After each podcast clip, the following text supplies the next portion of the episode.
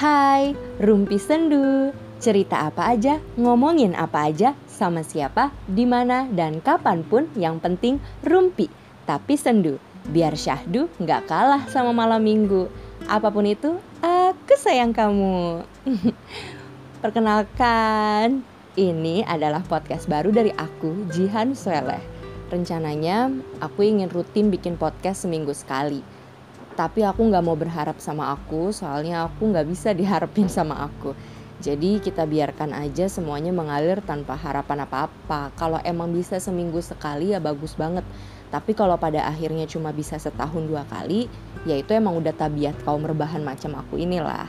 Nah Oke, di episode pertama ini, Rumpi Sendu mau ngebahas tentang lapisan diri topik ini aku angkat menjadi pembuka podcastku kali ini karena aku emang selalu tertarik sih sama hal-hal yang berbau menyengat gitu.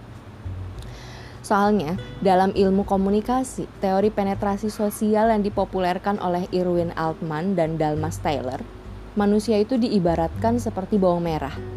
Cukup menyengat bukan? Karena manusia memiliki beberapa layer atau lapisan kepribadian. Jika kita mengupas bagian luarnya, maka kita akan menemukan lapisan-lapisan yang lainnya. Lapisan pertama adalah yang terlihat oleh publik. Lapisan selanjutnya adalah semi privat, cuma orang terdekat aja. Dan lapisan yang paling dalam adalah lapisan privat yang di dalamnya terdapat konflik, nilai-nilai, konsep diri, emosi terpendam dan semua yang tak terjamah di lapisan luar. Dan lapisan yang terdalam ini adalah sesuatu yang paling memiliki dampak dalam kehidupan kita. Menurut Altman dan Taylor, kedekatan kita terhadap orang lain itu dapat dilihat dari penetrasi kita terhadap lapisan-lapisan bawang merah tadi. Sejauh mana kita membiarkan orang membuka lapisan kita itu atau sejauh mana kita membuka lapisan-lapisan itu kepada orang lain dalam menjalin hubungan. Dari sekian banyak orang yang aku temuin selama hidup, eh, orang-orang itu tuh selalu punya wujud yang berbeda-beda tiap kesempatan. Maksud aku pernah nggak sih kalian ketemu orang yang tutur katanya tuh manis banget kalau ketemu kita?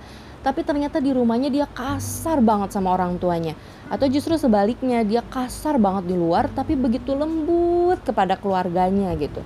Pasti pernah dong ya dan ngerasa nggak sih nggak semua teman kita itu punya kesempatan yang sama untuk mengetahui kehidupan kita? Jadi kayak misalnya si A deket banget sama kita tapi kita tuh nggak bisa cerita sama dia tentang masalah pribadi kita.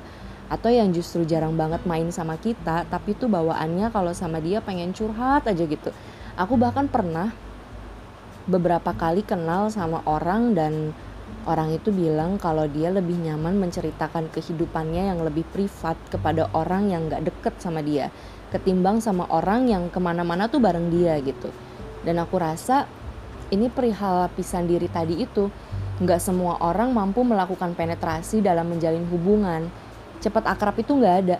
Karena kita dalam bersosialisasi ya hanya membuka lapisan terluar kayak basa-basi lah hal-hal remeh semacam obrolan hobi film buku musik hal yang lucu-lucu seru-seru ya gitu bisa buat menarik perhatian orang baru buat temenan sama kita. Atau membuat kita lebih merasa sama dengan orang kebanyakan di lingkungan kita coba kalau kita kenal sama orang terus kita udah membuka lapisan paling intim dalam diri kita apa ada yang bisa langsung akrab? Kayak misalnya baru ketemu terus udah langsung memperlihatkan konflik batin sendiri gitu. Udah yang langsung mengeluarkan emosi terpendam kepada orang baru gitu. Misal pun ada ya orang yang mau kayak aku sih seneng-seneng aja gitu suka sama hal-hal yang semacam ini bisa mendengarkan keluh kesah orang lain mengamati perubahan ekspresi orang lain dan sebagainya. Tetapi itu tadi untuk menjadi cepat akrab tuh ya nggak mudah, apalagi ketika kita dihadapkan dengan lapisan terdalam seseorang. Kita otomatis akan berupaya masuk dan ketika kita sudah melakukan usaha untuk masuk semakin dalam, justru yang kita hadapi akan semakin tebal dan semakin sulit ditembus. Dan selanjutnya yang kita butuh adalah keterbukaan diri kan Sementara manusia pada umumnya mau terbuka kalau lawan bicaranya juga udah terbuka sama dia. Atau kita bisa aja ketemu orang asing nih terus curhat, didengerin. Ya tapi sekedar itu sebagai pendengaran yang baik aja gitu. Ketika dua orang asing ini ingin saling akrab selanjutnya mereka akan banyak melakukan usaha untuk itu nggak bisa semata-mata hanya karena satu kesedihan mampu membuat dua orang menjadi sejalan karena kesedihan aja punya dampak yang berbeda di tiap kepribadian kan itu sih menurut pengalaman aku ya. Yang namanya ngerumpi kan apa aja gitu diomongin. Jadi menurutku sejauh ini banyak orang yang berusaha ingin mengetahui sisi terdalam dari seseorang tetapi dia nggak punya cara tepat untuk masuk ke dalam diri seseorang itu. Kalaupun dia bisa justru dia memanfaatkannya buat kepentingan dia sendiri. Dan itu sih yang membentuk banyak ketidakpercayaan dari sesama manusia gitu. Seolah-olah manusia tuh jahat padahal yang nggak jahat sih cuma punya motif terselubung aja dan belum tentu juga yang merasa dijahatin itu baik kan? Karena kalau dipikir-pikir semua tuh berasal dari cara komunikasi aja. Kitanya mau berdiskusi. Kayak cerewet banget gitu. Kitanya mau berdiskusi dianya enggak. Karena bisa jadi nggak nyaman bisa jadi merasa ah dia mah orangnya keras males ngomong sama dia. Atau yang sering banget aku denger gitu ya dari teman-temanku kayak komentar yang ah males ngomong sama dia nggak peka atau nggak bakal paham nggak sefrekuensi lah atau apalah gitu. Padahal belum tentu karena bisa jadi kamu yang nggak bisa membuka lapisan dalam diri seseorang atau seseorang itu yang nggak ingin membuka lapisan-lapisan dirinya ke kamu. Karena memang manusia banyak banget yang so tahu dan gegabah gitu kan dalam menyimpulkan termasuk aku kamu kita lah. Karena peran dari emosi pengalaman dan pikiran gak cuma satu aspek kan pasti dalam memutuskan segala sesuatunya. Nah ada lagi nih yang pengen aku ceritain beberapa kali temen tuh cerita ke aku gitu ya uh, mereka tuh sengaja berpura-pura jadi orang lain agar mendapat mendapatkan kelompok bergaul yang hits gitu. Aku sedih waktu denger cerita ini dari beberapa orang yang aku kenal gitu ya. Tapi ya gimana, banyak dari kita emang rela melakukan apa pun demi demi perhatian atau eksistensi atau uang atau cinta gitu dan pada akhirnya menyesal karena kekosongan justru semakin luas dalam diri kita. Hal-hal yang kayak gitu emang cuma sebentar sih tahannya. Dan ini jujur ya, hal yang dulu pernah bikin aku apa ya bingung sedih kesel gitu ketika aku berada di suatu lingkungan dan ada sekelompok perempuan yang cantik-cantik banyak yang suka mereka dan setiap kali deket mereka tuh aku sering ada ayam lagi. Dan tiap de deket mereka tuh aku tuh uh, sering dengar kalau mereka tuh ngomongin ih cowok yang ini suka gue nggak banget deh. Dia nggak pakai mobil. Terus yang gue ulang tahun pacar gue cuma kasih tas yang murah itu loh guys. Berapa berapa? 180 ribu. Ya ampun mending mantan lo yang itu dong gitu. Bla bla bla gitu. Aslinya tuh aku pengen banget jambak gitu. Tapi ya bodoh amat sih itu kan pilihan mereka. Siapa sih yang yang nggak suka duit kan? Tapi buat fakir asmara kayak aku tuh ya ngerasa yang pengen bilang eh kalian tuh banyak yang suka jangan gitu dong gitu. Cuma kan ya itu ya ya biarin aja gitu ya. Sekarang emang siapa sih yang masih peduli sama cinta? Ya gue lah. Dan setelah itu ya uh, justru yang membekas di dada aku adalah kumismo. Eh salah yang membekas di dada aku adalah pertanyaan. Karena aku kenal orang yang ngomong ini dan aslinya dia tuh sederhana banget. Maksud aku aslinya tuh sifat dia tuh ya sederhana. Dia mandiri dia kerja buat kebutuhannya sendiri. Dia dia usianya masih muda tapi tuh uh, dia bisa menghasilkan uang sendiri gitu. Dan hal ini yang bikin aku bertanya-tanya apakah karena dia ada di dalam kelompok yang menurutnya harus banget terlihat glamor jadi dia bertingkah seperti teman-temannya yang glamor itu atau emang dia sederhana tapi dia butuh eksistensi gitu? Itu yang pertama. Yang kedua aku telah ah satu-satu mereka. Ketika mereka deketin aku ya aku ambil kesempatan buat meneliti gaya bicaranya satu-satu. Dan aslinya mereka tuh ya biasa aja. Jadi aku tuh merasa tertipu gitu ini mereka lagi acting pas sama kelompok mereka sendiri atau acting pas lagi sama aku gitu. Karena pada saat itu di lingkungan itu ya semua orang tahu aku orangnya biasa aja. Mungkin kalau kita tarik dari teori penetrasi tadi bisa aja mereka melakukan pendekatan ke aku menjadi setara posisinya dengan aku supaya bisa masuk ke dalam obrolan bersama aku. Tapi aku merasa itu natural gitu dari mereka dan dan aku jadi penasaran gitu. Terus aku tetap perhatiin dong ya karena emang aku nggak nggak punya kerjaan aja. Nggak tahu dari kecil tuh emang suka banget merhatiin orang. Nah jadi aku perhatiin mereka ketika kumpul bareng teman-temannya uh, terus obrolan yang mereka tuh bukan soal pacar tadi dan emang sederhana sih. Omongannya tapi tinggi gitu. Gimana ya? Ya beda lah gitu omongannya sama aku dan tiba di suatu ketika ada salah satu dari mereka nanya sesuatu ke aku anggaplah tugas gitu. Dan karena aku orangnya ya bodo amat gitu kan. Jadi ketika seseorang itu nanya tugas ke aku aku jawab dong lah lu kan punya temen no banyak. Lu tanya lah sama teman-teman lu ngapa tanya sama gua? gitu kan. Gua kan bukan temen lo gitu. Terus dia jawab jangan bilang-bilang ya gitu. Wah nggak beres nih kan pikiran aku kan gitu ya. Terus dia jawab sebenarnya gue tuh nggak suka sama mereka kalau soal tugas gini. Mereka tuh pada males mau terima jadi doang enak di mereka kalau kerja sama mereka dapat nilai bagus sementara yang mikir gue gitu katanya. Terus aku tanya kalau nggak suka kenapa masih temenan? Terus dia jawab dong ya kan temen yang enak diajak nongkrong emang biasanya nggak enak diajak susah ya. Oh ya. Nah aku inget sama salah satu lagi dari mereka yang dulu temanku juga tapi kita nggak cocok karena dia ya gitu sukanya punya circle yang uwu gitu sementara aku kan nggak aku anti circle circle club gitu.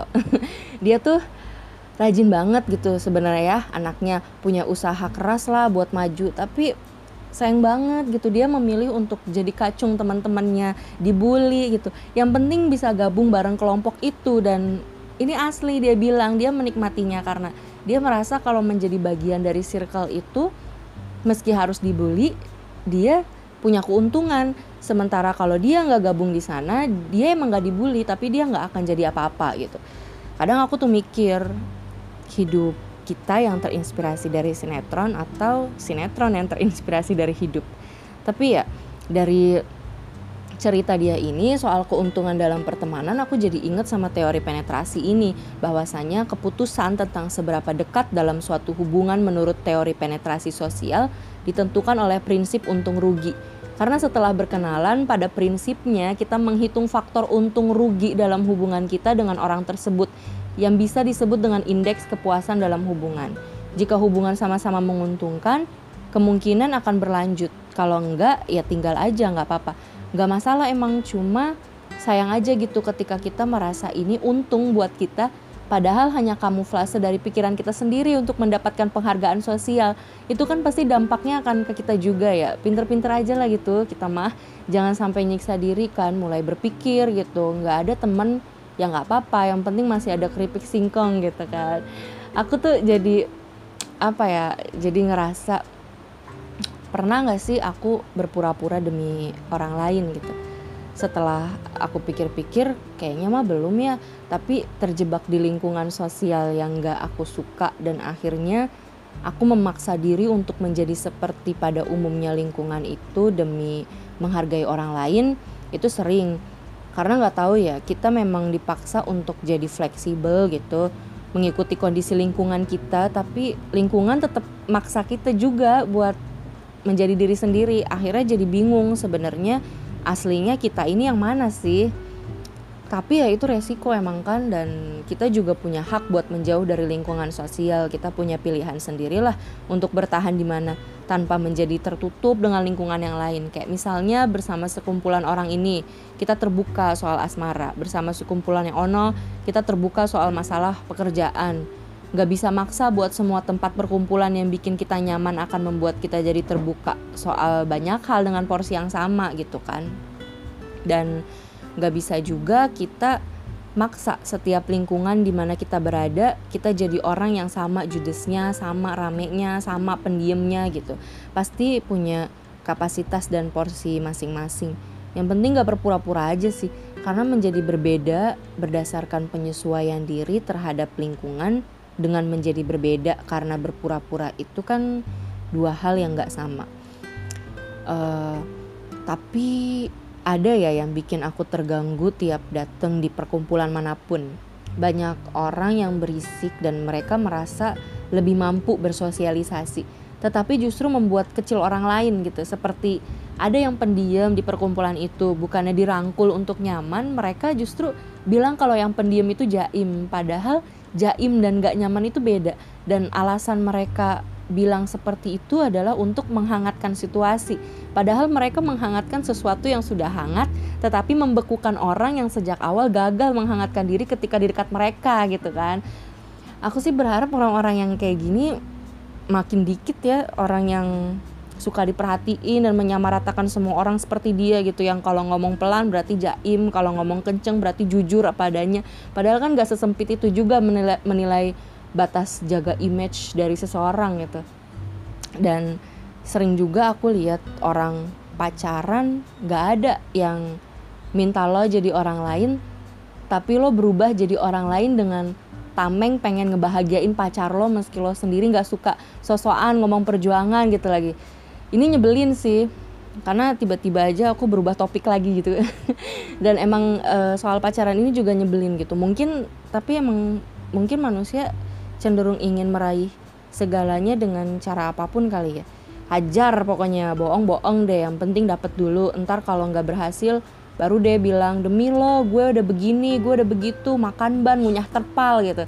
Salahin orang lain terus pokoknya kan manusia tuh emosi saya. Nah uh, di mana pun tuh tapi kepura-puraan itu kan pasti selalu ada. Atau sebenarnya bukan pura-pura tapi gimana ya uh, ya berubah aja gitu. Bunglon gitu manusia kan bisa berubah-berubah sesuai lingkungan gitu. Uh, tapi seenggaknya jangan drama-drama banget gitu kalau emang apalagi yang sengaja banget buat berpura-pura gitu kan kan sedih itu kita yang menciptakan drama itu sendiri tetapi kita juga nanti yang terjebak gitu. Intinya mah ada hubungan yang bisa mendalam tetapi nggak meluas. Dan ada hubungan yang bisa meluas ngomongin apa aja ngapain aja tapi itu nggak mendalam. Dan ketika kita mendapatkan seseorang yang bisa menjalin hubungan dengan kita secara intim artinya meluas dan mendalam dengan waktu bersamaan ya kita harus pertahankan gitu. Tetapi kan dalam menjalin hubungan pasti nggak mudah. Apalagi semakin dalam lapisan yang kita buka akan semakin tebal lagi kesulitannya dalam menjaga keutuhan si bawang merah itu kan. Harus selalu sabar dan terbuka gitu. Karena semakin dekat kan akan semakin sering bergesekan. Dan yang paling penting tuh ketika kita udah membangun kedekatan yang begitu terbuka dan dalam dengan seseorang jangan sampai kita berubah jadi tertutup tanpa sebab gitu. Karena itu hal yang sangat bisa merusak semuanya yang sejak awal udah kita bangun. Dan dan ini justru sering terjadi gitu di dalam dalam jalinan hubungan entah itu pertemanan persahabatan kekeluargaan gitu. Dan oleh karena itu dengan intro yang panjang ini aku akhirnya bertanya pada orang-orang terdekatku pernah gak sih kalian menjadi orang lain di hadapan lingkungan kalian dan ada berapa lapisan dalam diri kalian yang kalian sembunyikan dari orang lain alhamdulillah mereka mau cerita. Dan emang aku nanya cuma ke dikit banget orang sih. Karena ini kan emang masih podcast dalam tahap uji coba. Kalau nanti tertarik boleh dong. Pastinya kalian share pengalamannya dan aku bakal buat episode selanjutnya untuk membahas ini lagi. Dan jawaban mereka yang aku tanya itu rata-rata ya pernah menjadi orang lain di lingkungan mereka dan ketika menjawab ada beberapa lapisan dalam diri yang disembunyikan dari orang lain, mereka bingung jawabnya dan memilih untuk nggak menjawab kebanyakan karena emang pertanyaannya agak jelimet juga mungkin ya. Duit tuh ayam ngapain sih berkokok terus? Padahal ini masih sore loh guys. Dan ada satu temanku yang ingin berbagi pengalamannya kepada kita semua. Meski dia meminta untuk disamarkan namanya ya. Dan sekarang akan aku bacakan ceritanya. anggap aja namanya Albert. Jadi gini, halo nama aku Albert. Aku dulu pernah menjadi orang lain di lingkungan aku berada. Atau bahkan setiap aku bertemu dengan orang baru, aku adalah orang lain bagi diriku sendiri. Aku selalu berusaha terlihat lebih laki di hadapan orang baru. Tapi akhirnya, toh semua orang lihat juga kalau aku feminim. Jadi sekarang aku lepas aja bersikap sewajarnya, menjadi diri sendiri. Aku udah gak peduli dengan pandangan orang seperti itu. Pernah ada bapak-bapak sekitar 35 tahun, awalnya aku humble sama dia, seru lah, tapi tiba-tiba dia bercandain aku dengan colek aku dan belaga lagi godain banci. Dan aku sebisa mungkin biasa aja saat itu. Tapi setelahnya aku nggak bisa, aku nggak pernah lagi mau natap dia. Kalau dia datang sebisa mungkin aku hindarin dia atau tiap dia nanya jawabanku singkat dan ketus. Dan dia nggak ada bercandain aku lagi dan jadinya dia kayak yang nggak enakan gitu. Intinya aku belajar dua hal sih. Pertama cara menghadapi orang kurang ajar kayak gitu. Kalau masih wajar ya oke tapi kalau merasa nggak nyaman ya nggak usah dianggap lagi ada. Nanti juga hilang sendiri. Dan yang kedua aku belajar untuk sadar diri. Kalau ada orang yang aku pengenin dia deket sama aku tapi dianya nggak nganggep kita ada ya udah sadar diri buat pergi dari dia. Selain hal yang tadi aku ceritain aku nggak pernah jadi orang lain. Karena masalah harta. Aku nggak pernah masalahin sampai pura-pura kaya atau gimana. Terus aku juga nggak pernah jadi orang yang pura-pura serba tahu. Ya kalau nggak tahu mah bilang aja nggak tahu. Terus juga aku bukan orang yang mudah bergaul kan kecuali kalau aku pengen. Kayaknya aku mending sendirian daripada harus pura-pura. Dan mending gak kenal sama sekali daripada aku mesti ngajak kenalan. Ini membahas di tempat yang aku bakal lama tinggal ya. Kalau misal ikut seminar atau acara yang cuma sekali dateng, aku pasti paksain buat beraniin diri ngajak kenalan. Karena kan setelahnya juga gak bakalan ketemu lagi juga kalau misal di sekolah tuh aku cuek nggak suka ribet kalau cocok ya berteman kalau nggak cocok ya nggak usah berteman gitu aja oh iya sama ini aku tuh ngerasa banyak yang mau temenan sama aku setelah aku ngerokok. Sebelum sebelumnya nggak ada tuh yang ngajak main atau apa gitu kan. Tapi setelah ngerokok ngobrol sambil ngudut ya jadi akrab aja gitu sama orang-orang. Tapi intinya mah kalau kita kumpul sama orang yang seru terus kita berubah jadi seru ya bagus. Dinabi eh dinamis berarti. Maaf bacanya nggak bener. Dinamis berarti. Tapi kan kita nggak bisa bohongin diri sendiri juga. Kalau asalnya kita B aja terus diseru-seruin ya jadi maksa juga. Kalau emang B aja ya udah sih B aja gitu. Nah itu dia cerita dari Albert. Semoga menginspirasi ya.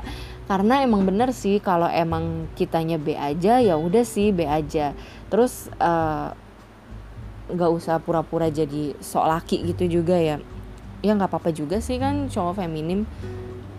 Nggak ada masalah juga yang penting yang penting ber, berbuat baik sama orang. Iya kayaknya udah lumayan lama juga ya aku cuap-cuap sampai sampai di sini dulu aja deh pertemuan pertama kita ini. Semoga selanjutnya uh, aku bisa sering-sering bikin podcast dan kalian bisa berkunjung ke podcast aku Rumpi Sendu.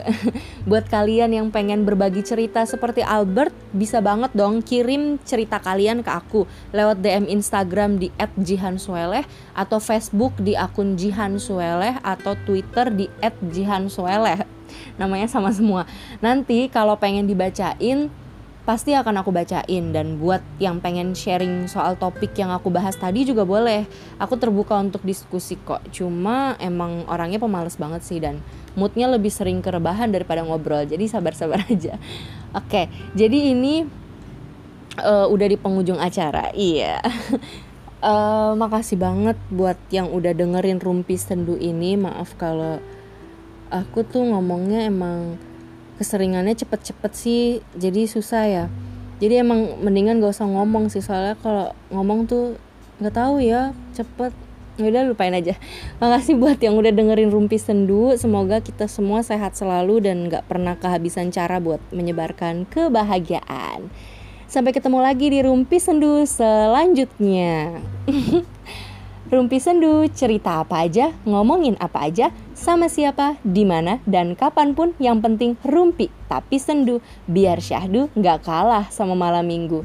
Apa pun itu, aku sayang kamu. Dadah!